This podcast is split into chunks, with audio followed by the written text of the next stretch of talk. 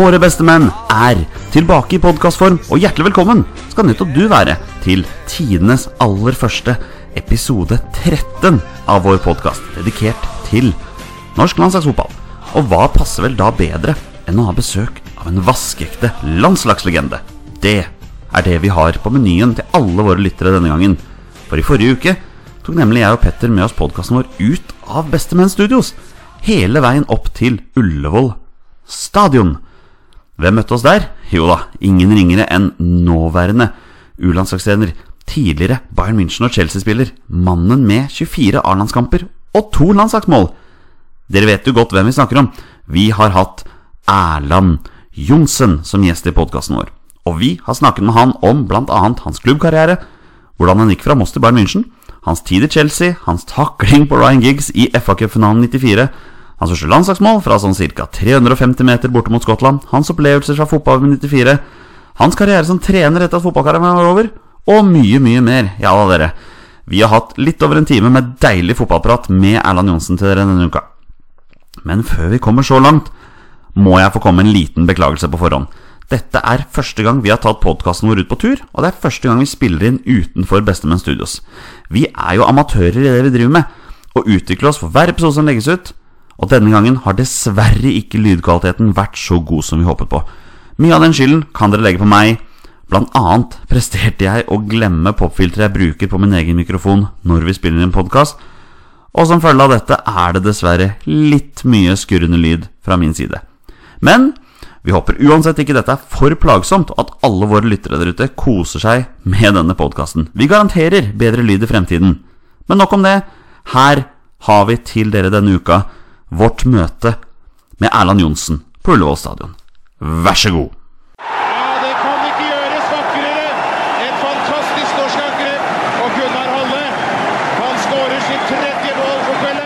Selveste Erland Johnsen, velkommen til oss. Tusen takk.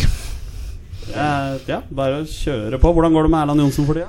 Det går veldig bra. Jeg har litt uh, roligere tider nå etter at uh, vi er ferdig med Jeg har to landslag i år, så nå spilte vi siste turnering for en uke siden. Så nå går jeg inn i november-desember som det pleier å være.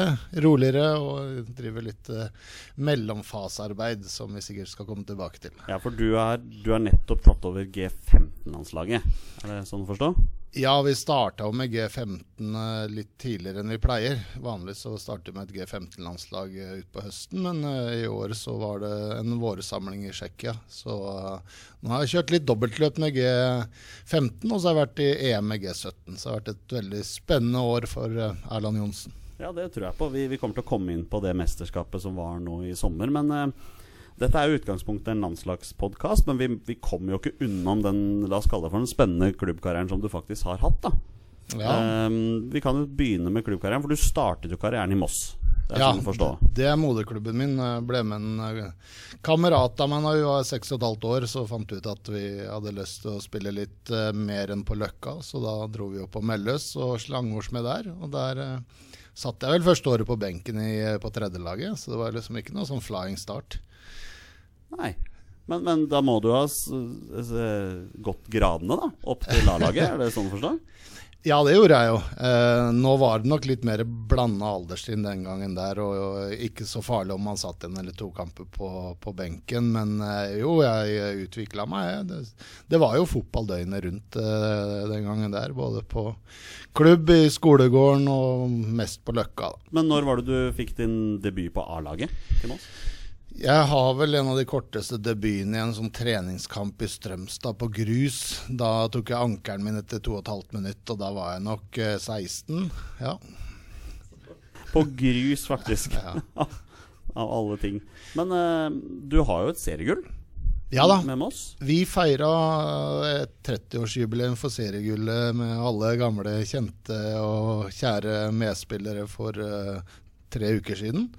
Så det var i eh, 87. Da hadde vi jo rykka opp i 86 med Nils Arne Eggen som trener fra andredivisjon, og gikk rett gjennom og vant uh, førstedivisjon. Og det er vel eh, historisk, eh, og det har vel ikke skjedd eh, etter det heller. Og vi hadde bare tolv seriemestere, så det var ikke noe snakk om å rotere så mye på en stor stall den gangen. Nei, Hvordan var egentlig reglene for å bli seriemester på den, på den tida der? Jeg tror du måtte ha over ti kamper. Ja. Eh, Ja, så er jeg litt usikker på om det gjaldt kamper som innbytter. Men Høres, høres ut som dere var veldig heldige med skader. Ja.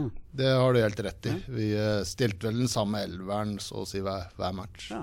Men på denne markeringen som du nettopp hadde, var Nils Arne Eggen der? Det var han dessverre ikke. Nei. Han eh, satt i Spania, men han eh, ble da overført på telefon og gratulerte så mye. Og så hadde vi besøk av han noen, ja, to måneder før hvor vi samla alle sammen, også eh, pga. seriemesterskapet. Så ja, men han var med oss i tankene. Ja, for du er jo en av La oss si det, ganske få mennesker i Norge som kan skryte av vunnet seriegull med Nils Arne Eggen som trener i en annen klubb enn Rosenborg. Ja, og der, jeg er litt usikker på meg når vi snakker om antall kamper. Men jo da, jeg var med det året vi vant seriegull. Om jeg, jeg fikk aldri noe medalje i posten, så jeg er litt, litt usikker på om jeg offisielt er eh, seriemester med, med Rosenborg. Men Ah. eh, jo da, vi har hatt den i to perioder. Eller Ifølge din Wikipedia-side så er du i hvert fall seriemester med Moss. da Så det er egentlig det vi har, det vi har forholdt oss til. Ja, det betyr vel at stol ikke på Wikipedia. For, for der står det også at moderklubben min er en annen klubb enn Moss. Et, oh, ja. En liten klubb som heter Eckholt, og det er også helt feil. Det er altså helt feil, ja. Ok. Uh, men uh, hvordan var det egentlig å ha Nils Arne Eggen som, som trener? Hvordan var han som type i Moss? Er, er det den Nils Arne Eggen vi kjenner fra Rosenborg-tida? Ja, det er det. Engasjert. Han var jo eh, ganske ung den gangen der, og kjørte jo inn et, et eh, system. Eh, vi spilte på en måte som, som vi veldig sjelden vikte bort fra, et 4-3-3-system, og med indreløper og en sentral en. eh, ja, vinger, vi hadde raske vinger, så han var jo en entusiastisk engasjert trener, men også et godt menneske. En, for oss unge spillerne, en pappa. Han kjefta oss huden full, og så kom han og la armen rundt ofte noen ettertreninger igjen og sa at det var ikke så ille allikevel. Så eh, en god trener og et fint menneske er, han, eh, er Nils, og det er han jo selvfølgelig fortsatt. Det høres ut som en Nils Arne vi kjenner fra Rosenborg-TV her òg, egentlig. Eh, men eh, 1987, det, det er vel den sesongen hvor eh, uavgjorte kamper ble avgjort med straffekonk? Ja, det stemmer. Var det noe dere øvde på? Eh, n- lite.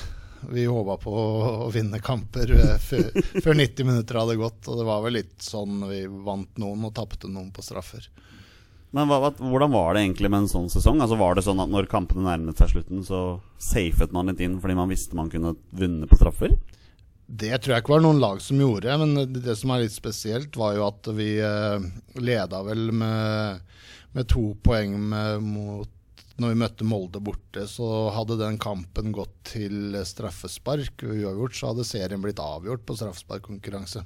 Så det, er jo, det hadde vært litt nervepirrende, men uh, vi eh, møtte opp og slo, eh, slo Molde borte 2-0. Høyst ufortjent. Eh, så, det et ran, altså? ja, det var det. Eh, Vi hadde en sånn kavalkade på den feiringen med, med 30-årsfeiringen, og da så vi hvor store sjansene virkelig hadde vært. Jeg gikk jo med en sånn ja, idé om at det hadde ikke vært så overkjøring fra Molde sin side, men det var det. Så jeg treffer jo mange moldensere nå som minnes den kampen, og da ja, det, da skjønner jeg det godt at de er litt bitre. Noen av de fortsatt. Var du en av spillerne som pleide å ta straffer i disse straffekonkene? Ja, det gjorde jeg. Eh, jeg traff noen, og så bomma jeg mot Tromsø borte, husker jeg. Jeg husker veldig lite av kampene mine, men akkurat den bommen der irriterte meg litt. Så, Var det noe spesielt med den bommen der, som gjorde at du husker den? Ja, nei, eh, jeg husker at uh, vi tok serieledelsen allikevel. Eller at vi beholdt serieledelsen pga. at de andre lagene rundt oss uh, tapte. Så tenkte jeg ett poeng til, så hadde vi hatt uh, Og det hadde jo vært viktig inn mot seriefinalen òg, men det er bare hengt seg opp. Det er vel noe Hvis du googler litt tilbake og ser hvordan Moss ble sendt ned av Tromsø i 1985, da eh, bomma Øyvind Huseby på Mølle stadion mot Bjarte Flem. Og jeg hadde tre gule kort, så jeg måtte sitte på tribunen og se på. Vi rykka ned da til andredivisjon, så det var noe med Tromsø og straffer jeg, som, som henger der ennå. Og plakatene på Tromsø stadion vitner også om det. De gnir det skikkelig når jeg er der. Og Så hyggelig for deg, da. Men eh, straffekonk avgjørende for uavgjorte kamper, det kan vi bare skrinlegge. Det kommer aldri til å skje igjen, tror du? Jeg skulle gjerne sett eh, hockeystraffer, sånn eh, innimellom fra, fra midten. At du får et forsøk. eh, det For å få litt andre ting. Få, starte med en gjøre det i cupen eller gjøre en turnering hvor du får sett hvordan det er. For det, vi trenger jo noen nye ting i, i fotballen. Og det, jeg tror ikke de linjedommerne eller dommerne bak mål er den rette måte, veien å gå for å finne på noe nytt i, i fotball. Sånne hockeystraffer hadde de jo faktisk i den amerikanske ligaen eh, det første året på midten av 90-tallet. Det, det ble også skrinlagt veldig fort. Men eh, du fikk landslagsdebuten din når du spilte for Moss, stemmer det? Ja, Eh, der ligger jo en litt andre regler at øh, OL-landslaget mm, Det var jo en A-landskamp når du debuterte på OL-landslaget. Og der mener jeg at jeg fikk min første kamp i 86 eller 87 på Mølle stadion mot Tyrkia. Det stemmer bra, det.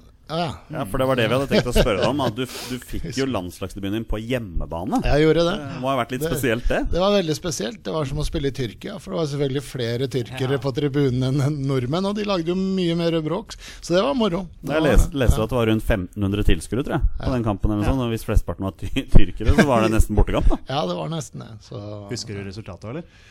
Jeg lurer på om det ble uavgjort. Ja, det stemmer det. Ja, Ja, du husker godt. Hukommelsen er det ikke noe veien med. Ja, det ble 1-1. Det stemmer, det. Ja. Vi møtte dem i Ankara, og da ble det også uavgjort. Eh, Ja, det var vel året etter. Men da var det litt mer liv eh, Ja, på bortebane. de er, de er kjent for det. Ja. Skal vi hoppe videre der? Ja, la oss gjøre det. Ja, Du har jo eh, noen spørsmål her Ja, da var det videre fra Moss til Bayern München. ja, det var et lite steg. det? Ja, det er et ganske stort steg. Ja, det er det. Ja. Nei, det er en historie bak det. Altså, det var ikke sånn at det plutselig fant det med mossing. Jeg hadde jo vært eh, Det starta med at jeg fikk et brev hjemme i posten da jeg var 16 eller 17 fra Hamburger Sportsverein. Da var det sånn Ja, vi er interessert i å prate med deg, kan vi ringe?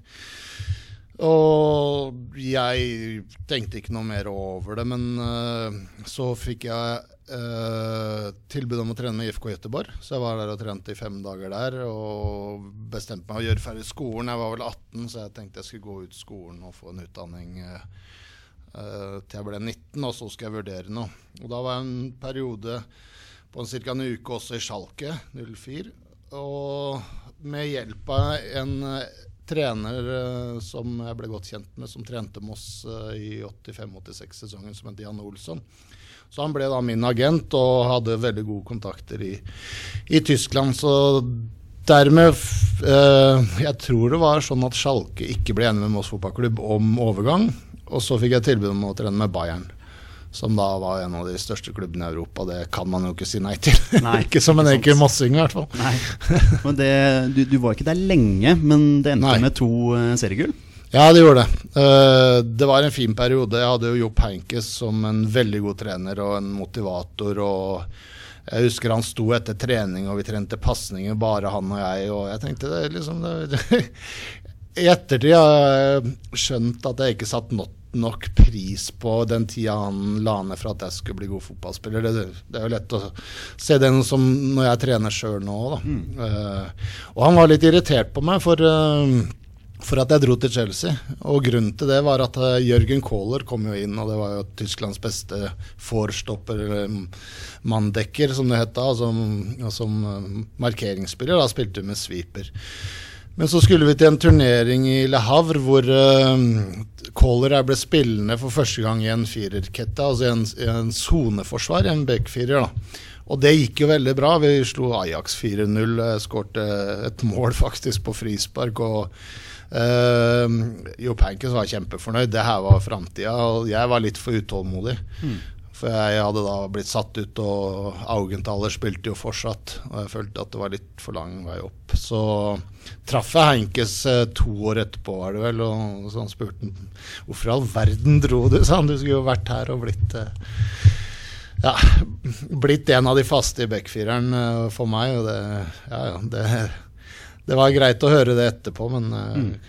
det, det er nok sånn jeg var, og sånn jeg kanskje er, og litt rastløs når jeg søker nye utfordringer. Og det, jeg hadde jo kjempebra i England, så Ja, for der, eh, det, var, det var ditt neste steg. Det var videre til, eh, til Chelsea i Ja. 89. ja. Eh, men der ble det jo en god stund. Ja, jeg var her i sju og et halvt år. Mm. Så Det var eh, en flying start der, fast på lag, og de hadde jo sett meg skåre mål på Hamden fra 140 meter mot Skottland, og liksom trodde jeg de fikk inn en midtstopper og målskårer. Ja, det, det er jo et mål vi kommer inn på litt Ja, senere her. ja, det er litt av et skudd. Eh, Ja da, men eh, jeg var ikke noen målskårer, men jeg var bruk... Jeg tror jeg passa ganske bra Eller jeg, jeg passa ganske, ganske bra til engelsk fotball. Jeg var en duellspiller og jeg likte å forsvare. Eh, klart Med Bayern-lag så var det jo veldig mye eller mange andre krav offensivt. Du skulle gå fram og du skulle være med på det offensive. Noe som var greit, det òg, men eh, jeg syns også mentaliteten i England passa meg bedre. Det var litt løsere snippen enn i Tyskland. Ikke sant. Men uh, i tiden din som, som Chelsea-spiller så ble det to uh, FA Cup-finaler. Eh, ja, jeg spilte jo 94, og så kom vi til FA-cupen i 97. Riktig. Og da, i og med at det bare kan sitte tre på benken, så satt jeg var jo i troppen, men jeg var på tribunen. Så Ja, det, riktig. det var litt nedtur. Ja, og så var det jo nedtur i 94, selvfølgelig. Da møtte dere Manchester Ja, United. men det var veldig moro å spille på Wembley. Det er ikke alle som opplever det. Jeg har spilt fem ganger på Wembley. Mm.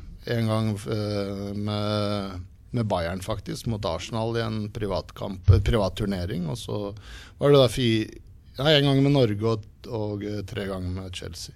Vi spilte jo semifinale der òg. Ja.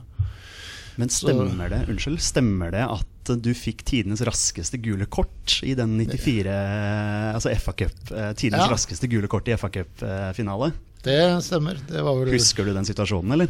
Ja da. Det er jo det er jo ikke første gang jeg blir minnet på den. så jeg tror han ligger et sted, om den ligger på YouTube eller Nei, det er eh, Ryan Giggs som kommer i godt driv, og så er det egentlig ikke så stygt. Men det er klart når du veier 60 kg og møter 92, så det blir jo, jo litt eh, urettferdig. Så han fløy en sånn bue over låret mitt, da, og så fikk jeg gult. Vel fortjent gult kort. Vel fortjent. Men, uh, Så det du sier, at den situasjonen Den ser styggere ut enn den kanskje var? ja, absolutt. Ja, okay. Ja, ja. Er det en objektiv vurdering? Nei, det er det ikke. Det er det er det ikke. Men eh, altså, en ting til som, som jeg la, la merke til mens jeg, eh, jeg måtte jo sjekke deg litt ut på, på YouTube, og, og sånn, Mm. og, og det var en situasjon mot, mot Leicester eh, i femte Ja, runde. Hvor du ble, stemmer. sky- ble, ble beskyldt for filming. Eh, Ja. hva, hva har du å si til den situasjonen? Nei, Fil, filma du? Den gang da, så Nei, for å være helt seriøs og helt ærlig, så ser det ut som at han midtstopperen til Leicester skal stikke ut beina. Når noen Du veit når noen eh, ser ut som skal sparke deg, så trekker du beinet litt tilbake. Og Jeg har jo aldri vært oppe, så langt oppe på banen på, på, på lenge og tenkte jo ikke på Jeg, jeg kan, kunne jo ikke og kan ikke filme. Så det var en sånn refleks at jeg dro tilbake beinet, og så datt jeg som en potetsekk. Og jeg tenkte jo på veien at ja, ja, det blir jo aldri Jeg tenkte jo ikke på at det skulle bli blå straffe. Nei. Så hvis du ser eh, Den ligger i hvert fall Ja, på YouTube. Den- Hvis du ser det, så ser du jo ansiktet mitt som er så overraska at uh, Men um, Ja, For du nå- ser det litt på den spontane reaksjonen til Leicester-spillerne Ja, ja, også. At Kom deg opp, hva er det du holder på med? Det, Nei, både jeg og dommeren har blitt drapstrua etter det, så det, ja, såpass, ja. ja da. Ja. Det har vært noen runder på den. Uff. Jeg tar ikke feriene mine i Leicester. Det gjør Nei. jeg ikke. Um, årets spiller Ja. i 1995. Det var moro. Mm.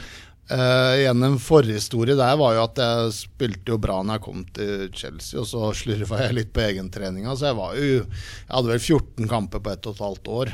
Før da David Webb tar over eh, Tar over laget og bare sier at du skal inn på laget. Nå skal jeg redde klubben fra nedrykk. Og jeg spiller da de 25 siste kampene i den 92-93-sesongen, mener jeg. her. Eh, så da var jeg ordentlig sulten på å revansjere meg. Hadde trent meg opp skikkelig etter jeg mista plassen og kom tilbake i det var 94-95 med Glenn Hoddle. Og da spilte vi jo i Europacupen òg, og da hadde jeg en god sesong. Men det er litt spesielt i å få den prisen av fansen. Ikke av noe presse eller noen journalister, for da går det jo til en spiss. Men eh, Ja, ja, det gjør jo det. Ja, ja, Det syns jeg også er litt urettferdig. Litt, en liten avsporing der at uh, keepere skal ha sin egen og, og midtstopper. Altså, få endelig fram en god midtstopper nå, både i Norge og i utlandet, så vi kan gi en pris til dem. For eh, de kommer jo litt i skyggen. Nok om det, da, men at du får den, at jeg fikk den fra fansen, det, det var jo en avstemming. Det var å ringe inn og eh, det var ikke noe sånn at jeg hadde så mange venner at eh, det ga overtalt til Nei, meg. sant. Men nei, da var jeg ordentlig stolt. Ja, fikk du noen form for trofé? Eller Ja da, jeg har et trofé Du har den stående? Ja, Ja. jeg har det. Et eller annet. Eller liggende. Eller liggende? Ja. Ja, jeg har ikke så mye medaljer framme, men Nei. Nei, det var moro. Ja, så bra. Eh, Chelsea-karrieren din. Uh, vi har et spørsmål fra Earl Torske på Twitter. eh, hvor han spør eh, spilte, du no spilte du noen gang mot Stuart Pearce. Må bare påpeke at jeg tror ikke det er Jarl Torske. Jeg tror det er noen som utgir seg for å være noe lignende. For han, det ser ikke sånn ut, bare så, bare så du er klar over det. Jeg spilte mot uh, Stuart Pearce den første sesongen uh, med Chelsea. Vi hadde eh, Nottingham Forest borte. For det jeg husker, var at det, det kom en scoring, og det var så mye bråk fra våre tilskuere at Bak målet så skulle de inn, ut på banen, så jeg sto sammen med Stuart Pearce og nærmest eh, brukte fysisk eh, kraft Eller brukte kraft for å døtte dem tilbake igjen på tribunen. Han var jo ikke liten, han Stuart Pearce heller, da, så vi, vi fikk rydda opp litt. Men eh, jo da, han spilte. Ja, For oppfølgingsspørsmålet er var han så gæren som alle skal ha det til. Nei, Det vet jeg ikke. Jeg har ikke sett den i nok ved kamper. Jeg har sett noen eh, episoder med han, men det var jo så mange gærninger på den tida der at eh, han går vel Men han, er, han var en av dem. Ja. Vi, vi skal legge fra oss den Chelsea-karrieren snart, men jeg må bare spørre. For jeg vet at du har spilt Du har jo spilt sammen med Gianfranco Zola. Ja, det som er ja. kanskje den største legenden i Chelsea gjennom tidene. Eller i hvert fall ikke langt unna. Hvordan var det? Altså, hvor, hvor god var han egentlig? Nei, han eh, var veldig god.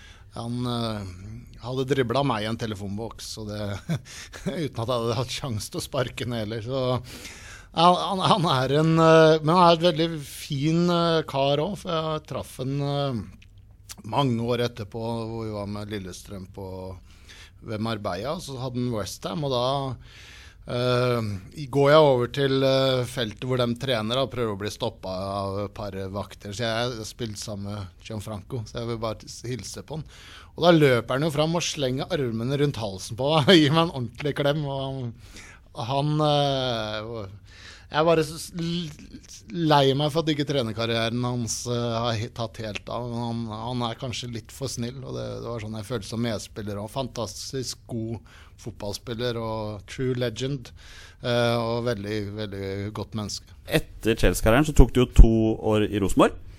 Nei, jeg tok ett år. Ett år, ok. Ja, akkurat ett år fra Jeg kom jo dit i 97, og 98 dro jeg til Strømsgodset. ja, så, så du har ett seriegull med Rosenborg, Jeg ja, har i hvert fall ikke noe mer. Nei, ja, men du vet hva, Hvis der, jeg har det, så er jeg, der er har vi. Wikipedia lurt oss en gang til. Altså. ja, ja, nei, men Den skal ikke alltid stole på Wikipedia. Nei, vi, vi, må bli do, vi må bli flinkere til å ikke stole på det. Altså. Ikke sant?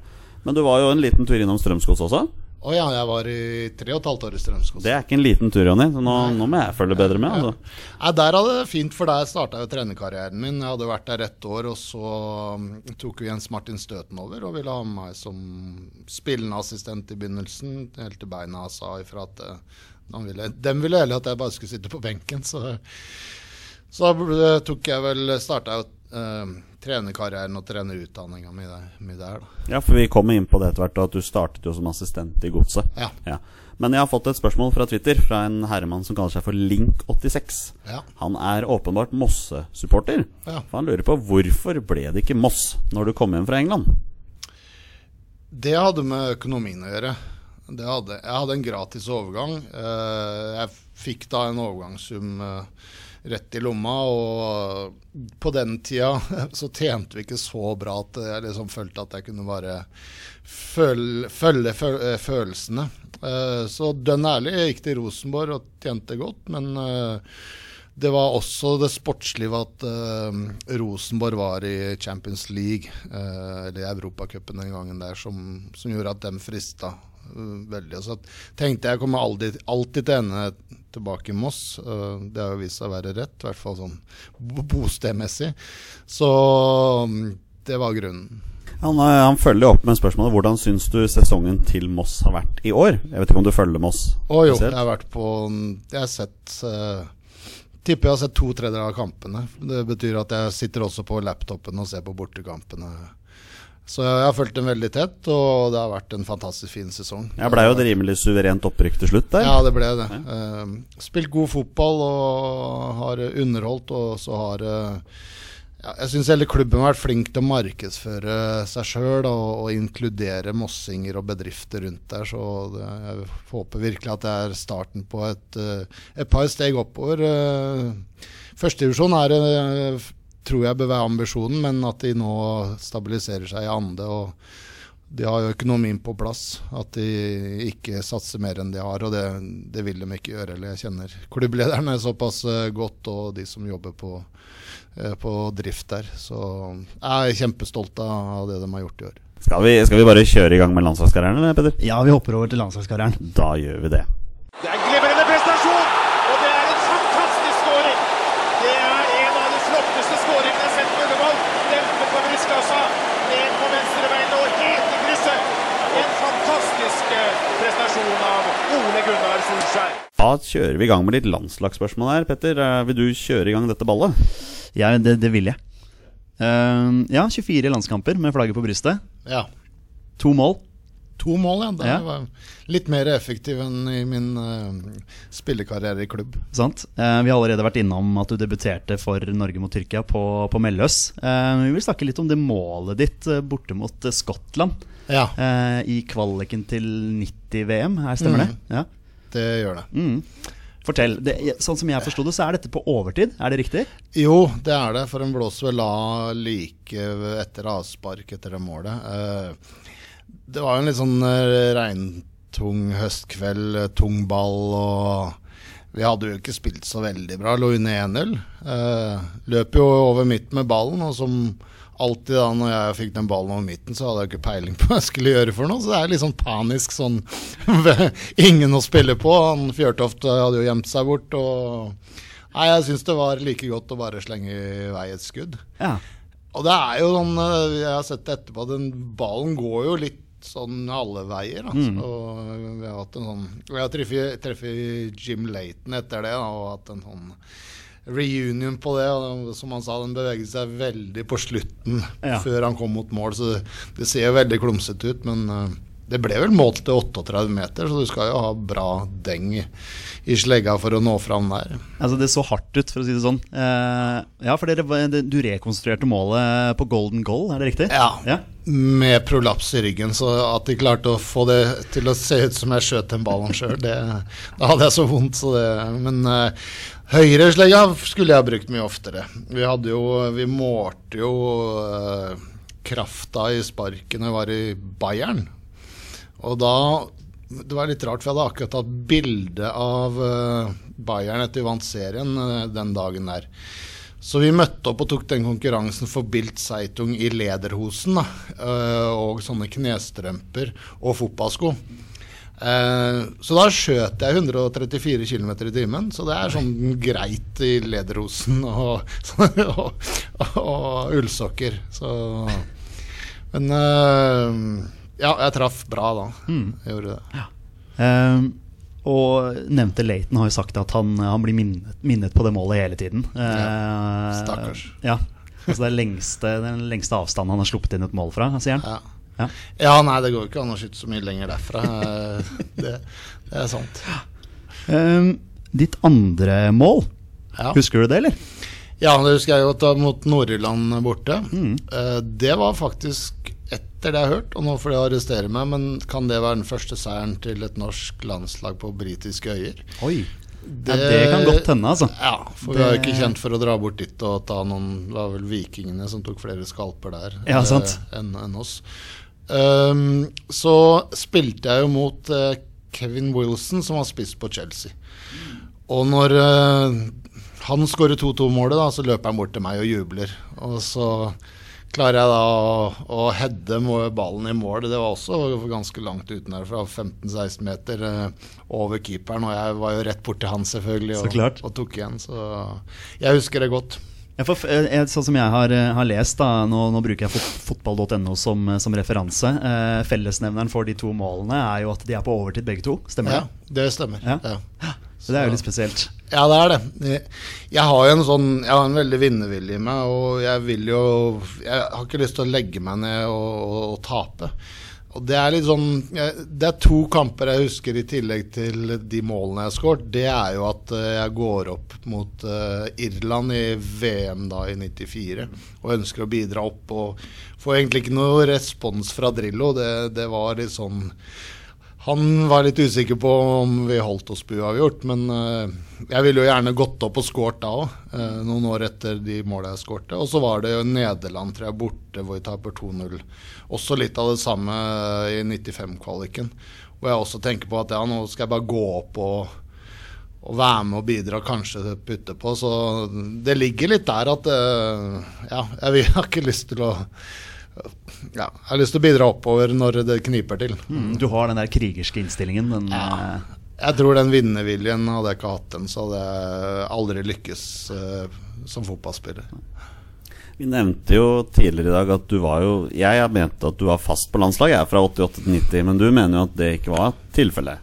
Du var kanskje ikke så fast på landslaget? Fra 88 til 90 Ja. Uh, Det kan stemme. Jeg fikk jo 24 kamper, så det er jo bare å dele litt på det. Men det, det var nærmest fast. Men eh, så kom det jo bra konkurranse da fra de yngre. I, i Ronny, i eh, Henning og i Tore P. Og selvfølgelig så hadde vi en rutinert Rune Bratseth der som var Europas beste midtstopper, så det var ikke noe Men det er som jeg sier, at når eh, jeg ble årets spiller i Chelsea 95 eh, og ikke spille på landslaget, det tror jeg ikke vi får en norsk fotballspiller igjen som har, har den erfaringa. Du, du står ikke oppført med noen landskamper mellom 1990 og 1994, slik Nei. sett det. Men da hadde jeg to dårlige år i Chelsea. Det hadde jeg. I tillegg til at konkurransen var ganske, ganske hard òg. ja. Ha lov å si det. Jeg tror aldri norske landslag har hatt større konkurranse som midtstopperplass. Nei, det er sant. Vi skulle vel, vi har snakket om vi skulle ønske at det var litt større konkurranse på landslaget på midtstopperplass nå, i, i disse dager. ja, egentlig. det, det er helt sant. Ja.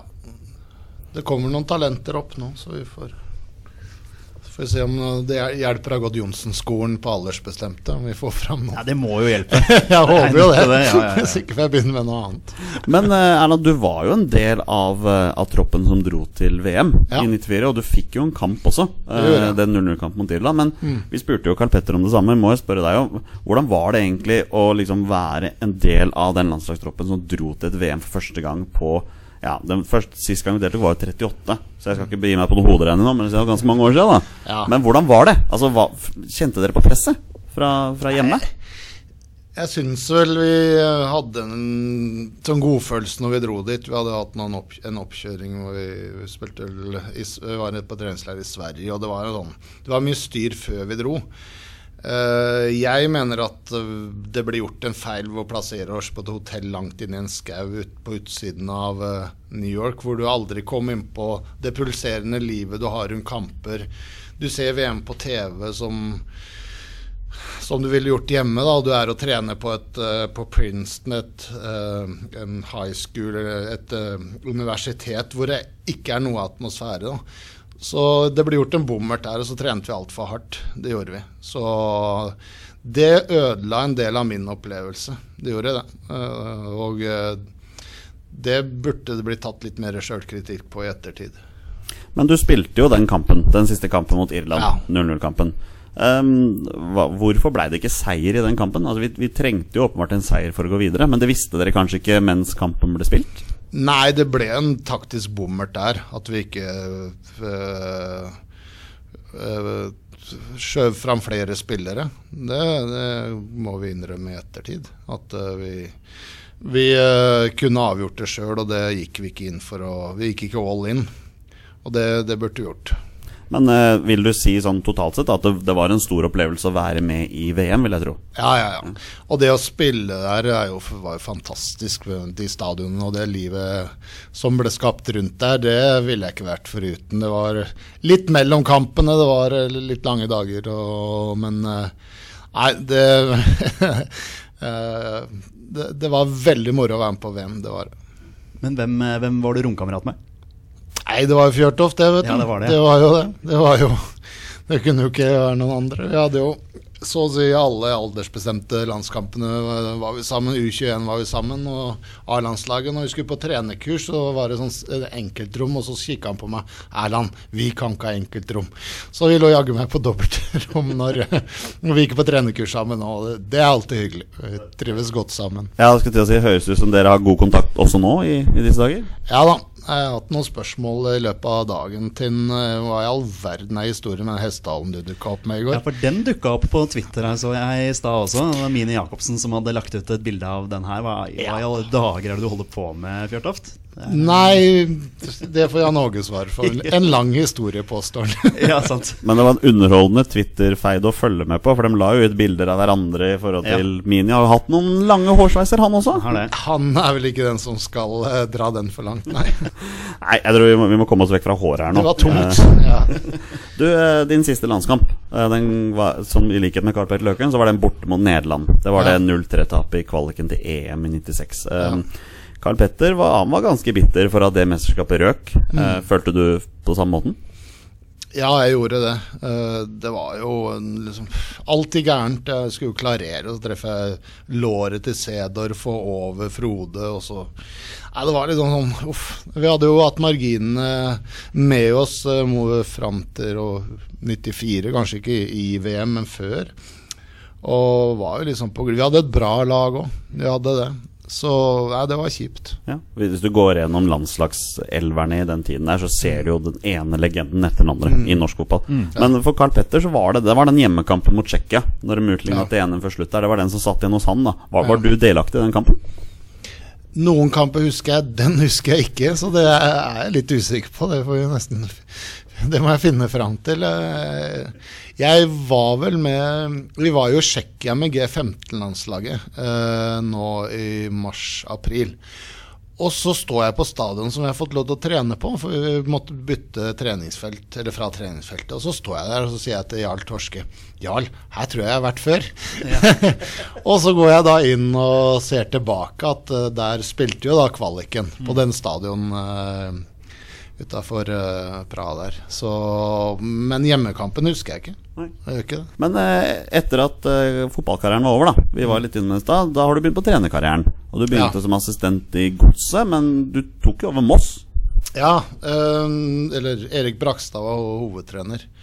Rutinert kar, og jeg var hjelpetrener. Så det varte jo. Det er jo min korteste trenerkarriere. Men din, din første hovedtrenerjobb, eh, det var i Follo. Det var i Follo. Jeg må bare tilføye det at eh, når jeg fikk sparken i Moss, så var fattern formann i klubben. Han var helt enig i avgjørelsen. det, det, den, den er brutal, altså. Ja, ja. Den er tøff, Sånn er det. Så vi, har, eh, vi er ærlige mot hverandre i min familie. Og det, ja, han eh, han syntes det var veldig begrunna, så, så, men jeg har ikke hatt noe, ikke noe vondt blod mellom Nei, oss. det, er, det er ikke noen nagende familiemiddager eh, hjemme hos Johnsen, liksom? Nei. det Men hva er, Husker du begrunnelsen her? Var det resultater, eller? Var ja, det var det. Vi fikk jo Jeg tror nok vi prøvde å innføre litt for mange ting med morgentrening. Vi skulle trene to ganger om dagen, eh, tre ganger i uka. Og så hadde vi en del rutinerte spillere som ikke var så interessert i å trene så mye. Og så hadde vi ikke gode nok resultater. Og det er jo fair nok, det. Men hvordan var det å bli hovedtrener da, i, i Follo? Det var spennende. Um, det var en spennende klubb. Jeg fikk jo da Hans Knutsen som trener, så jeg fikk sett dem en del før jeg tok over. Og det som var spennende med Follo, at de varierte med forskjellige systemer. Da. De kunne spille 3-5-2, de kunne spille 4 4-5-2, 4-3 altså, Så de hadde gode spillere og en underholdende måte å spille på. Så var det jo det at jeg hadde lyst til å oppnå noe som trener, og det var første gangen som hovedtrener. Så det var en veldig bra start. Koselig klubb, koselige folk. Så det, det passa meg bra akkurat da. Hvor lenge var du i Follo? Jeg var der fire år. Og hva, slags meritter har du vist til fra den tiden? Nei, vi rykka jo da opp for første gang fra andredivisjon til førstedivisjon. Og så gikk vi da til uh, kvarten i cupen hvor vi ble slått ut av Sandefjord. Uh, så vi slo ut Molda-cupen og Sogndala-cupen. Og det er en litt morsom sak, for vi dro uh, Vi skulle møte Molde i cupen hjemme, og så hadde vi en avtale om en treningskamp to uker før på Røkkeløkka. da. Så, så dro jeg opp der, og så spilte vi dypt i 4-5-1. Og lå bare og forsvarte oss og tapte. Og så kom vi hjem og så skulle vi spille på en litt sånn humpete Ski stadion. da. Og så gikk vi ut høyt i 4-4-2 og pressa dem helt i senk. Og vant kampen. da, og jeg tror nok eh, Vi ga dem et lite sjokk da at vi spilte helt annerledes enn vi hadde gjort i treningskampen. Har du, har du fulgt med noe på Follo i år? Nå er de i en ganske kjip situasjon Ja. eh, økonomisk. Men de har vel annonsert at de skal stille lag i Ja. neste år, men med relativt begrensede midler. Eh, hva tenker du om eh, fotballen der borte, i det området? De, de trenger vel et Follo? Ja, jeg mener absolutt at de trenger Follo. Største utfordringa når du skal være en samarbeidsklubb, er jo å være ærlig på hva du kan tilby, og hva du forlanger. Jeg har vært i litt av den samme situasjonen. Jeg var med på å bygge opp et, et akademi og, og den yngre avdelingen som gjorde det bra i Lillestrøm, og at vi skulle ha samarbeidsklubber. Og der kan det bli så mye gnisninger og så mye irritasjon hvis du ikke er ærlig på hva du skal gi tilbake. Etter, etter Follo, da, hva, skjedde, hva skjedde da? Da ble det Lillestrøm? Ja, da hadde jeg fem år i Lillestrøm. Alt fra Kom dit som eh, ansvarlig til å ansette trener og trenerutvikler i yngre. Jan Åge var jo manager da, så det var ikke vanskelig å få en god tone med han. Så vi dro til England og brukte noen dager og, på slenge en del ideer på bordet hva vi tenkte og vi skulle gjøre med yngres i Lillestrøm. Og besøkte Akademi og Frank Arnesen i Chelsea. Og så satte vi opp en sånn strategi og også delmål. Hvordan skulle vi evalueres etter hvert? øh, hva skulle vi bringe inn? Hva hadde vi av midler? Øh, så vi, var ganske sånn konkrete på hvordan vi skulle gjøre det her når vi kom tilbake til Lillestrøm. Og det var veldig moro. Vi, øh, det er jo et område som det bugner av gode fotballspillere. Øh, så da fikk vi et samarbeid med klubbene, og jeg var jo og trente andre klubber rundt der. da, I tillegg til å ha da ansvar for de beste spillerne i Lillestrøm. Så tok jeg jo da etter hvert over for Tom Nordli, eh, og hadde vel åtte kamper som hovedtrener. Og så kom Henning Berg eh, inn, og vi samarbeidet ikke så bra, så da ble det juniortrener sammen med André Bergdølmo siste året. Eh, var, det noe, var det noe ondt blod som sørget for at du forlot Lillestrøm? Nei, det var det ikke. Eh, vi eh, Det var vel mer at jeg følte at jeg fikk litt lite å gjøre. Så da er jeg litt sånn at da må jeg finne på noe annet. Ja, for da gikk turen eh, ikke så langt unna, vel? Nei, det var rett, rett over elva. Det var det. Og hvor lenge var du der? Ett og et halvt år før jeg begynte i NFF. Ja, for, for det er liksom det jeg hadde lyst til å følge opp med. Nå, nå er du jo Du er jo eh, landslagstrener for et U-landslag. Ja. Eh, hvordan, hvordan er prosessen når en, når en trener blir ansatt for et U-landslag? Altså, er det annerledes i forhold til en klubbtreneransettelse? Ja, det er mange flere involvert og flere runder. Det var vel 35 søkere eh, når, eh, på den jobben eh, som jeg har nå. Så ja, det er annerledes. Det er mye mer gjennom, gjennomtenkt og som er hva vi har av filosofi og hva, hvordan vi jobber med unge spillere. Så heldigvis hadde jeg hatt et år som juniortrener i Lillestrøm. Jeg har aldri sett på meg sjøl som egentlig trener, trener for yngre spillere, men eh, det har gitt meg veldig mye, og jeg trives kjempegodt. Hva vil du si er den eh, største forskjellen mellom å være klubbtrener og være landslagstrener? Eh, det er at når vi først har det minnet, så har vi så utrolig dårlig tid at vi må gjøre ting eh, Vi må være veldig godt forberedt. Vi må bruke den fasen mellom eh, landslagstiltakene til å ha god dialog med spillere og klubber, følge dem opp og ha, ja, ha, alt på stell her før vi kommer inn på samlinger. Så det er vel forskjellen. Hvor ofte har dere egentlig samlinger? Nei, på et gutte 16-lag som jeg eh, skal ha neste år, så hadde vi med 0-0-laget som gikk til EM, da hadde vi sju samlinger. Så det er jo en Når sesongen pågår, er det nesten en gang i måneden. Er, du, eh, er du med å ta ut en tropp, eller hvordan fungerer det egentlig når man tar ut en tropp til sånne landslag? Nei, det her er jo noe som starter egentlig når de begynner i klubb. Så blir de tatt ut til et sonelag når de er tolv, og så er det på kretslag. Og de beste på kretslagene kommer på et regionlag. Jeg ser kretssamlinger og regionsamlinger. Regionsamlingene, eller landsdelssamlinger som det heter nå, er to ganger i året.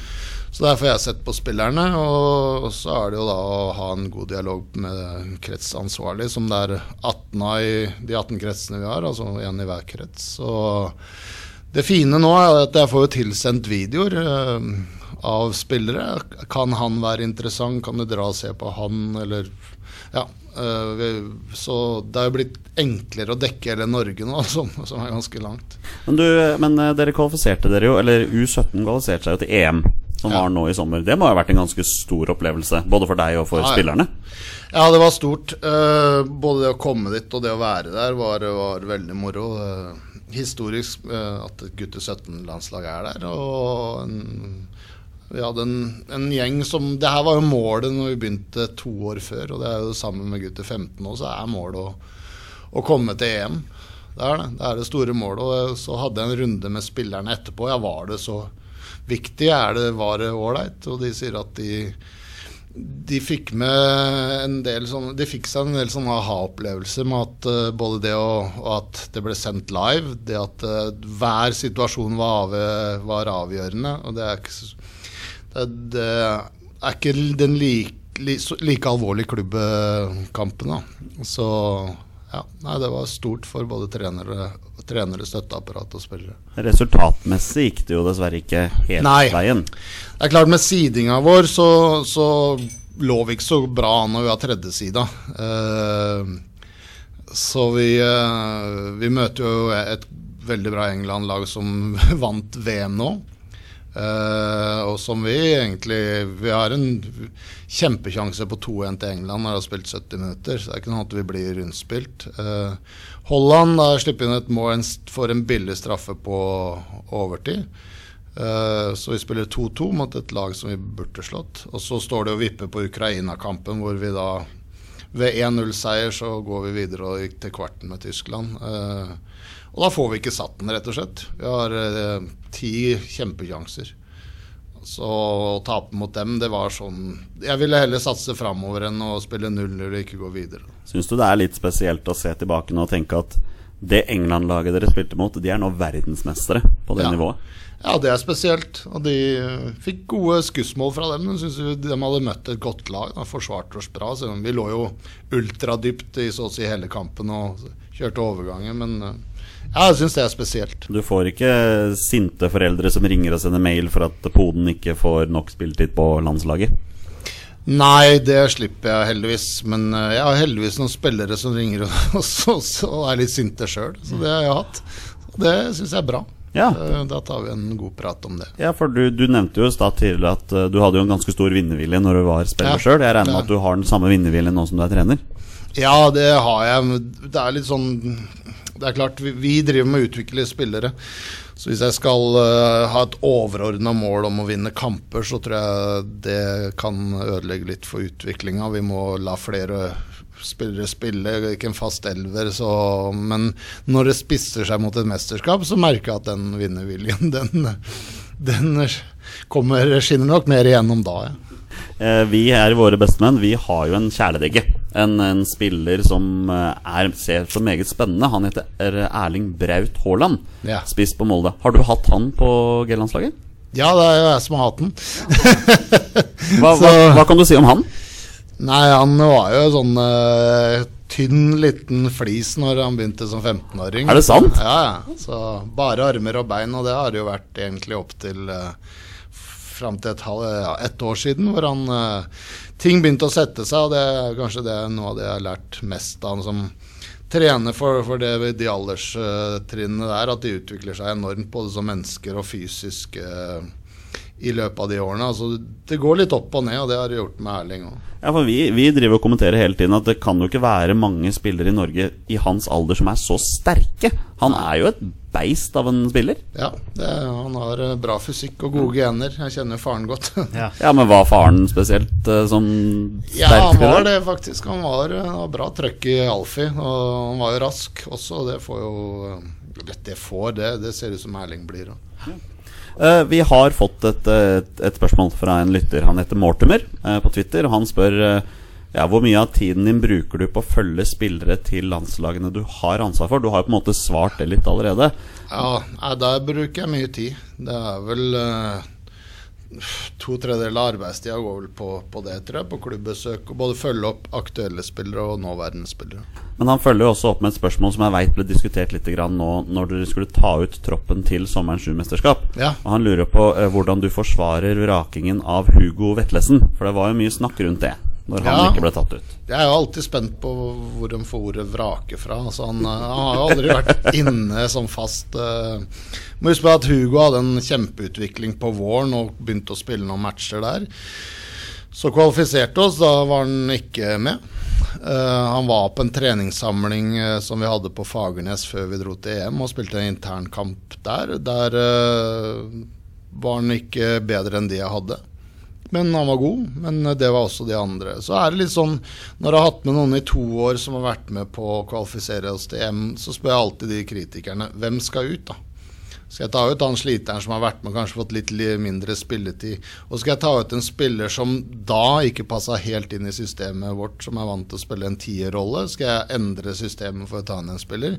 Eller skal jeg ta inn en spiller pga. da er Inge André Olsen fornøyd og slipper å si noe til avisa, eller pressen slipper å skrive, eller fansen. Så, og det bryr jeg meg døyten om hva de sier. Så jeg øh, Ja, han hadde hatt en øh, tropp som er én mann øh, flere, så hadde jeg tatt den ut. Men jeg hadde ikke lyst til å vrake noen av de som hadde spilt oss til EM.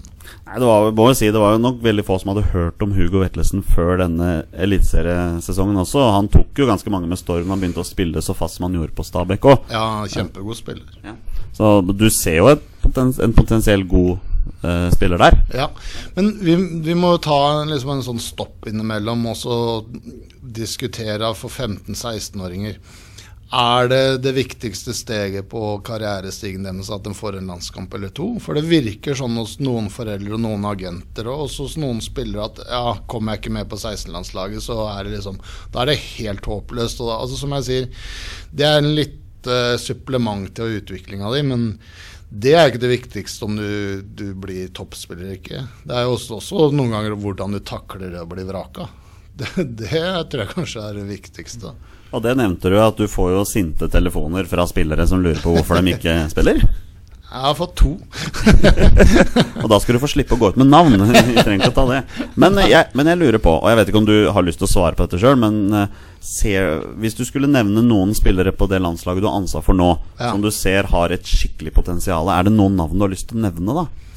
Det har blitt dratt fram noen av de nå. Da var jeg Apipon, som, som jeg sa til en på sist samling, at eh, jeg ser deg oftere på forsida på VG Nett enn jeg ser eh, statsministeren vår. Så, eh, så, så han er god midtbanespiller fra Lillestrøm, og vi har et par Stabæk-spillere òg som er i startgropa til noe som kan bli, bli bra, deriblant en midtstopper. Så er det litt sånn å gi dem ro, og ikke at alle blir uh, stressa opp à la det jeg mener Ødegaard har blitt, som jeg også hadde da jeg var 15 år. Men eh, jeg tror det kan være litt begrensende hvis vi skal ja, forvente for mye av dem. Men, men du, var, eh, du var da Du hadde da eh, Martin Ødegaard på yngre landslag. Jeg hadde jo Ja. han første dobbeltlandskampen han spilte mot Sverige, hvor han var kjempegod. Men det var mange andre da som var gode. En Jon Hausæter som spiller i Stabæk, en Birker Isa, vi hadde en Rafik Seknini, vi hadde Ayer og vi hadde Sander Berge. Så det, det er klart det, det året der var det mange gode. Og så er det litt sånn alle spør som du hvem blir bra av dem. Det, jeg, kan, jeg kan ikke si, si hvem som blir bra, og hvem som ikke blir bra. Nei, ikke sant. Men det du kan si, da, denne midtsommeren du snakker om, det er vel han Nikolai Jensen, tror jeg, fra heter? Niklas Pignatell Nik- Jensen. Niklas, ja, Ja. var det det var. Erlend, Erlend vi, vi begynner å gå tom for tid der. Det, det er utrolig hvor fort tida går når man sitter og koser seg. Men, men vi, vi ville at du skulle gjøre en ting for oss før vi kom. Ja. Uh, vi har jo da en liten greie som vi nå har med gjestene våre, som kalles for Gjestens beste menn. Mm. Og vi ønsker at du setter opp et drømmelag med spillere du har spilt med på det norske landslaget. Det og, og dette har du gjort. Det har jeg gjort. Jeg kom fram til eh, Skal jeg si laget, eller? Ja, det må du gjøre. Vi, Ja. vi har lyst til å høre. Nei, det er Grodås i mål. Han var jo lagkamerat i eh, Chelsea. Han måtte jeg jo passe på. Han er jo liten og vever, så jeg var jo liksom eh, beskytteren hans når han kom til eh, Chelsea, og arbeidskollega nå. Eh, en Bratseth måtte jo stilles på bekken, eh, dessverre. Han var jo det, kanskje den, er vel den beste spilleren jeg har spilt på landslaget med. Men jeg er jo en god kompis i Einar Aas, så jeg måtte lage plass for han. Jeg, vi har ikke spilt på landslaget sammen. Men uh, spilte i Moss og blitt seriemester. Berdelmo kom inn da på, på venstre vegg. Trente juniorlaget til Lillestrøm sammen. Og en veldig allsidig og kanskje litt undervurdert spiller som faktisk har vært i Ajax, Dortmund, København og uh, ja, var god på det meste. Uh, og så er jeg litt usikker på hvem jeg satte. Jeg satte Mini og, og jeg satte vel Myggen på hver sin side. Uh, underholdende både på og utenfor banen. Kanskje mest utenfor nå de siste åra. og så er det vel uh, Nå har jeg vel Sumbi. Sumbi, ja, ja. Det er jo en av de mest elegante fotballspillerne jeg har sett. Arbeidskollega nå. Og jeg måtte bare ha han med, for han fikk jo en begrensa landslagskarriere, men har vel vært en av de som har vært best, syns jeg, på den midtbanen. Og så er det vel Rekdal. Ja, Reka måtte jo inn, han eh, Jeg likte vinnerviljen Apropos vinnerskaller. Ja, ja, jeg likte det. Han var alltid sint, da. Sånn både før og under kampen, og litt blid etterpå når vi vant. Da. Ja. Ja, det er Halvard Thoresen, da, tidenes mest skårende utlending i hollandsk fotball. Han, eh, han måtte med. Jeg jobba sammen. Jeg har vært på tur i, på Elfenbenskysten og besøkt noen eh, akademier sammen med han. Han eh, er en fin kar. Og så er det jo Fjøra, da. Han, etter å ha noen og 50 landskamper hvor vi har spist eh, noen tonn med godteri sammen, så føler jeg at han eh, er veid og funnet nesten for tung, men han, eh, han holdt akkurat grensa. Så til tross for sin nye hårsveis, så forsvarer han en plass på laget? Det ble satt opp før hår, hårsveisen. Det ble det. Det er litt av et lag, altså, Petter. ja, det er eh, noen jeg kjenner til, og noen jeg ikke kjenner så godt til. Ja, men Det er litt interessant å høre. Liksom, nå er jo du og jeg vokst opp med landslagsfotball sånn generelt fra 90-tallet rundt VM, da, men eh, det er jo morsomt. Man hører jo om flere av disse, disse spillerne. Så Ja, Sundby var ukjent for min del. ja, det er ikke en spiller som går igjen hos meg heller. Men, men du Var det jo Tom, med vi var det må, Tom Sundby? Tom, ja, han Ja. spilte jeg sammen med, faktisk. Det tror jeg var en av de første landskampene jeg spilte. Jeg fant et bilde her om dagen, så oi, spilte jeg sammen med Tom? Jeg veit ikke om du nevnte det, men du har jo med deg sjøl også på, Ja. laget. Ja. Det, det er jo en Det det. selvfølge. Det, det, det må du. Ja, jeg følte det, så derfor må du sette E. Johnsen istedenfor Ronny Johnsen, som hadde fortjent å vært Det var jo så veldig mange jeg måtte vrake, men uh, der igjen. Plass på benken. Ja, vi får en stor benk. Ja, men Petter, da, da begynner vi å gå mot slutten her. Men, men vi har jo et lite segment igjen som vi må gå gjennom. Og, du- og du veit hva vi snakker om her, Petter. Jeg vet veldig godt hva vi snakker om, ja. Du vi- tenker på 20 spørsmål? Vi skal gjennom en 20, med runde med 20 spørsmål, og du har en legende på andre sida her. Er du, er du klar for å ta den her, eller? Jeg er veldig klar. Ja, da kjører vi på.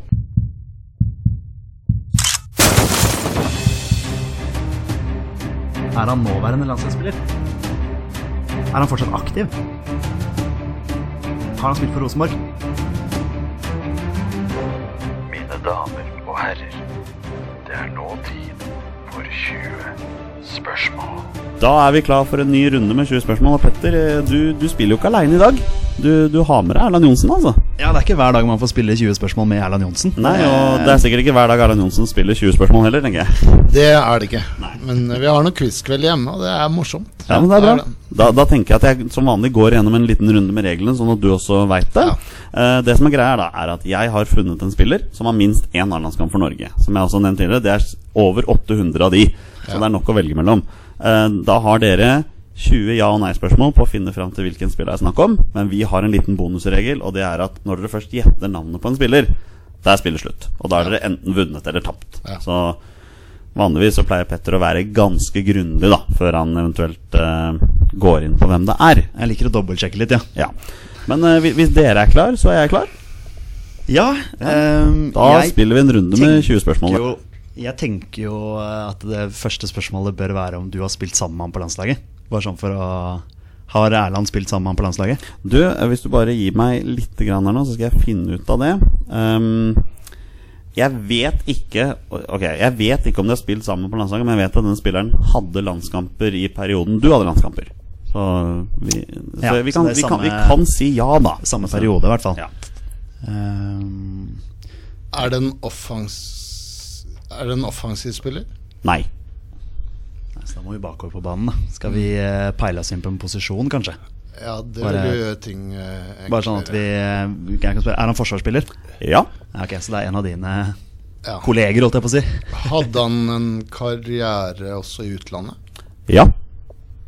Ok, Får du inn noen navn med en gang, eller noe du tenker?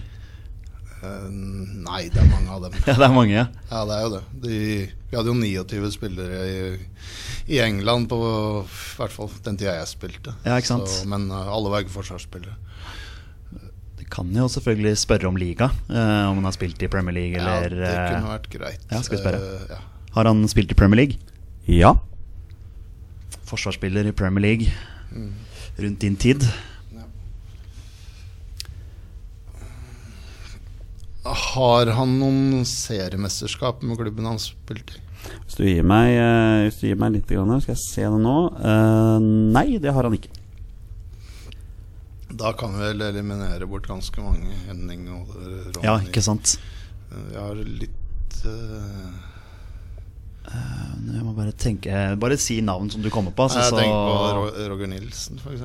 Roger Nilsen, ja, han spilte for Sheffield United. Ja, Ja, kan, eh, riktig. Det kan jo fort eh, Det går jo selvfølgelig an å spørre om det er en Paul, Det er en Paul Lydersen. Paul Lydersen, ja. Han fikk vel ikke seriemesterskap med Arsenal.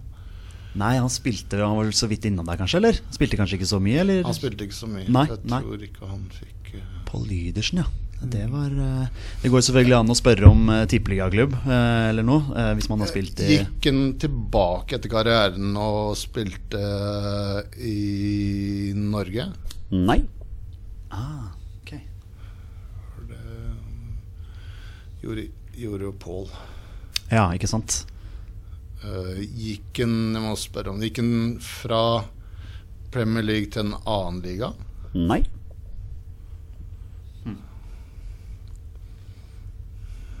Vi kan jo begynne å spørre om posisjon. Ja, du tenker på om han er back eller Ja, eh, stopper eller Ja. Det kan du bare kjøre på, du.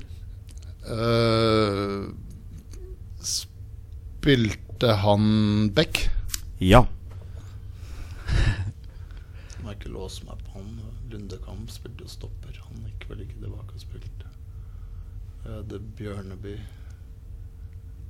Dro vel ikke tilbake og spilte. Vi hadde Kvarme, men han dro vel til eh, Kvarme, ja.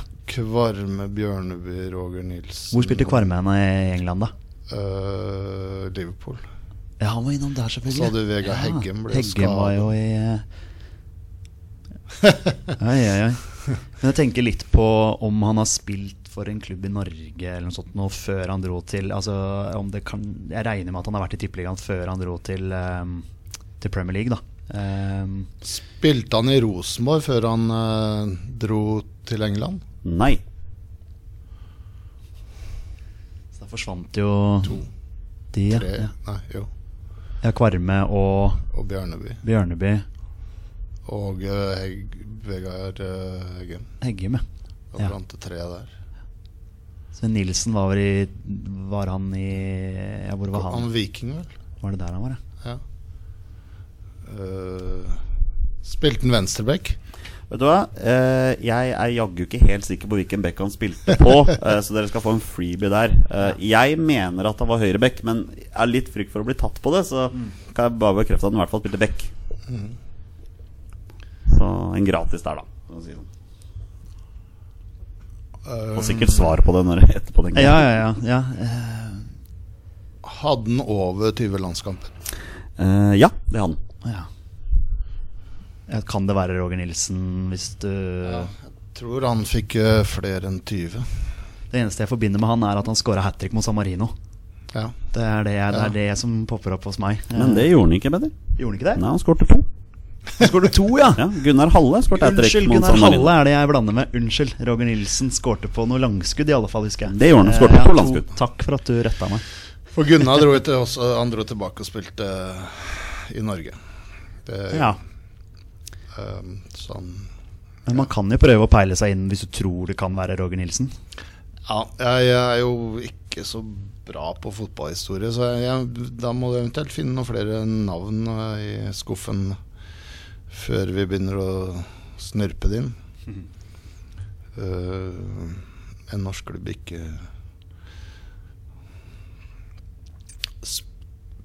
spilte han eh, på 2000-tallet i England? Uh, ja, det gjorde han. Og da er vi på ti spørsmål. Der er det halvveis. 2000-tallet. Ja. hvilke klubber er det vi har uh, eh, spillere som har spilt for, da? Manchester United og Liverpool og Blackburn. Uh, det er sikkert flere også. Det er jo Beck. Er det rødt i hjemmedraktene til klubben han har spilt for? Uh, det er rødt i én av klubbene han har spilt for, ja. I England? I England, ja. Oi. Ja, for da, Jeg vet ikke var, om det var et hint, jeg.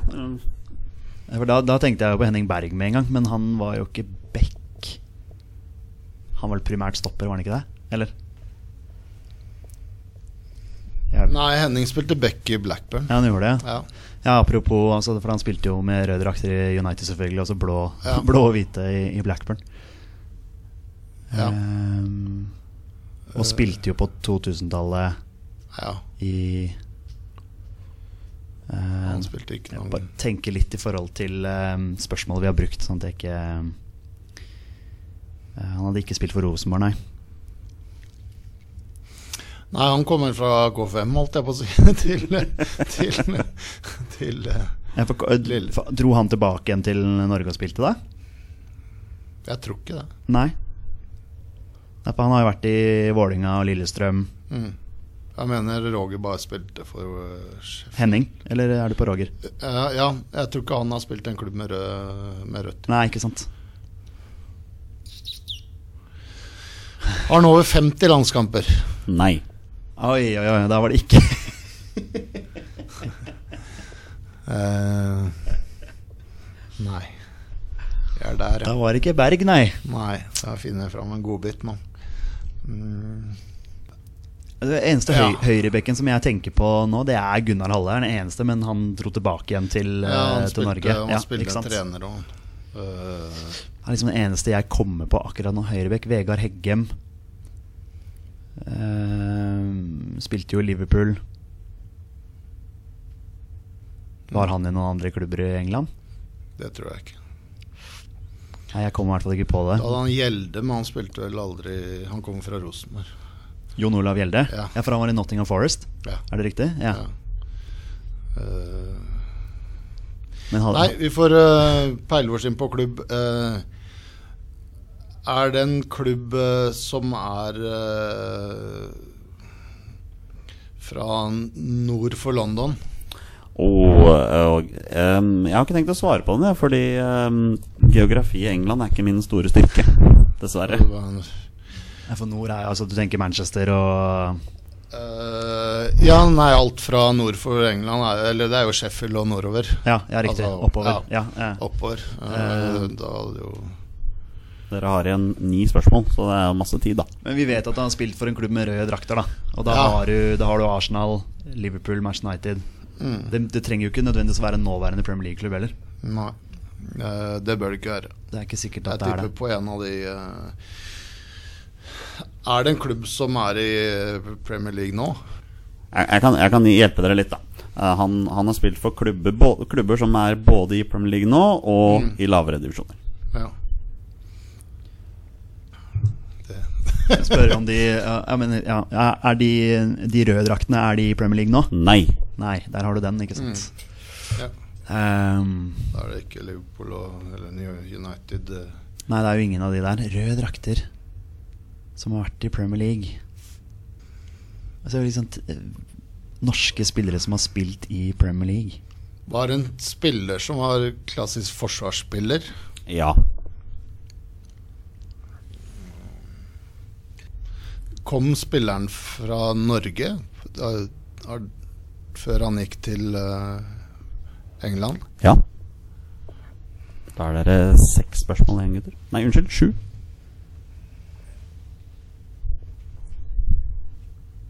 Det var bare, 2000-tallet også, vet du, som har spilt i eh, Håper ikke vi tar opp all tida di nå i kveld. Altså. Ja, Nei, da, vi må få fortgang i det her. Eh, Men hva med uh, eh, 90-tallet? Når begynte Alf Inge Haaland å spille? Ja, der kommer du med et wildcard. eh, For han spilte jo for Nottingham Forest. ja, og uh, Leeds. Manchester City og Leeds. Eh, ja, og der har du jo flere Ja, draktfarger. det var at Men Alfie, var han primært høyreback? Eh, Ja, det Leeds var spilte han litt offensivt òg, husker jeg. Jeg er Ja, Leeds-supporter. mest, hvis du lurte. mest eh, eh, Ja, nei, det er jo å spørre om han har spilt i Leeds. Ja, Det er spørsmålet? Ja. Ja. Kan det hende at vi begynner å nærme oss noe her, altså. Fordi altså, de eh, norske landslagsspillerne som jeg tenker på i Leeds, det er jo Gunnar Halle og, eh, og Alf Inge Haaland, som har defensive fibre. ja. da Frank Strandli hadde ikke des Det var ikke så mye defensiv. Og Eirik Bakke var sentral midtbane, og Toron Reflo var framme der. Og, ja. Nei, vi, så, jeg tror vi jeg, Men skal vi kontrollsjekke den? Og Eh. hvilke klubber spilte han for i Norge, f.eks.? Husker du eh, Kom han fra Han han spilt i Bryne, kanskje? Nei, men det er jo ikke så mange som har spilt i Forest og, eh, og Leeds. Ja, vi, vi, vi konkluderer med at det er Forest, da, siden det er røde drakter, og de ikke spiller i Premier League nå. Ja. Så Det er bare å spørre spørsmål. da Dere har fem spørsmål igjen. ja, for da Har han spilt i Forest? Ja. Ja. Ok, ja. Da, da kan du få lov til å Er, er han far Nei, det var litt Jo, jo, jo, den er fin. Den er fin. Den er fin. Nå nå skal jeg være litt forsiktig med en far til Erling Braut Haaland. ja. Kan det være han Petter, han som spilte sammen med Alfie? Han Nei da. Det er Alf Inge Haaland. Det er Alf Inge Haaland, dere. Jeg er litt overraska at ikke dere tok den før. altså Ja, jeg er veldig overraska. Skuffa over meg sjøl. Men jeg trodde faktisk at han spilte så langt som inn på 2000-tallet. Ja, men han, eh, som jeg fant ut her da Han spilte jo kamper for City helt fram til 2003. Men han måtte jo han måtte legge opp pga. skade. Av en Roy King. Ja, men det kan kanskje du svare på. Fordi eh, Det er jo mange som skriver at han, jo, han måtte jo legge opp pga. skaden. Men han spilte jo landskamp bare et par dager etterpå. Han spilte jo en omgang for Norge da, men, men det var den som gjorde det. Det vet jeg ikke. Nei, ok, nei det- Vi skylder på Roy Keane. Skal vi, skal vi avslutte dagens podkast med å skylde på Roy Keane for Alfing Inge Ja, nei, men det var eh, man, man sitter og tenker på, på navn, altså. I hvert fall jeg som er Leeds-supporter. uh, burde jo egentlig Ja. Men så er det det Han spilte en stund, da. Når debuterte han på landslaget? da? Alfred? Han debuterte i 94. Ja, ikke sant. eh, Fikk Ja. eh, 34 landskamper. Hadde sin Men han var, han var ikke med til USA, han. Altså, Nei, dette var etter, eh, altså. han var heller ikke med til VM 98. Og det husker jeg på den der VM-videoen som var da. Han var en av de som ble intervjua etter at troppen ble satt ut. Han var veldig skuffa over at han ikke var med i troppen. Ja. Jeg husker han og Petter Rudi ble jo, var veldig skuffa for at de ikke var med. Men eh, ja, nei, da, da konkluderer vi med det. Erland Johnsen, tusen hjertelig takk for at du har tatt deg tid til oss i dag. Det var veldig Det- hyggelig. Ja, håper-. Håper du har hatt det kult òg. Ja, ikke bare oss. Ja. morsomt. Ja. Petter, er du fornøyd? Jeg er veldig fornøyd. Ja. Og fornøyd med at vi klarte Alfie der. Ja, det er strøken. Da er det bare å avslutte med at vi er våre bestemenn. Heia Norge. Heia Norge. Og hei. Hei.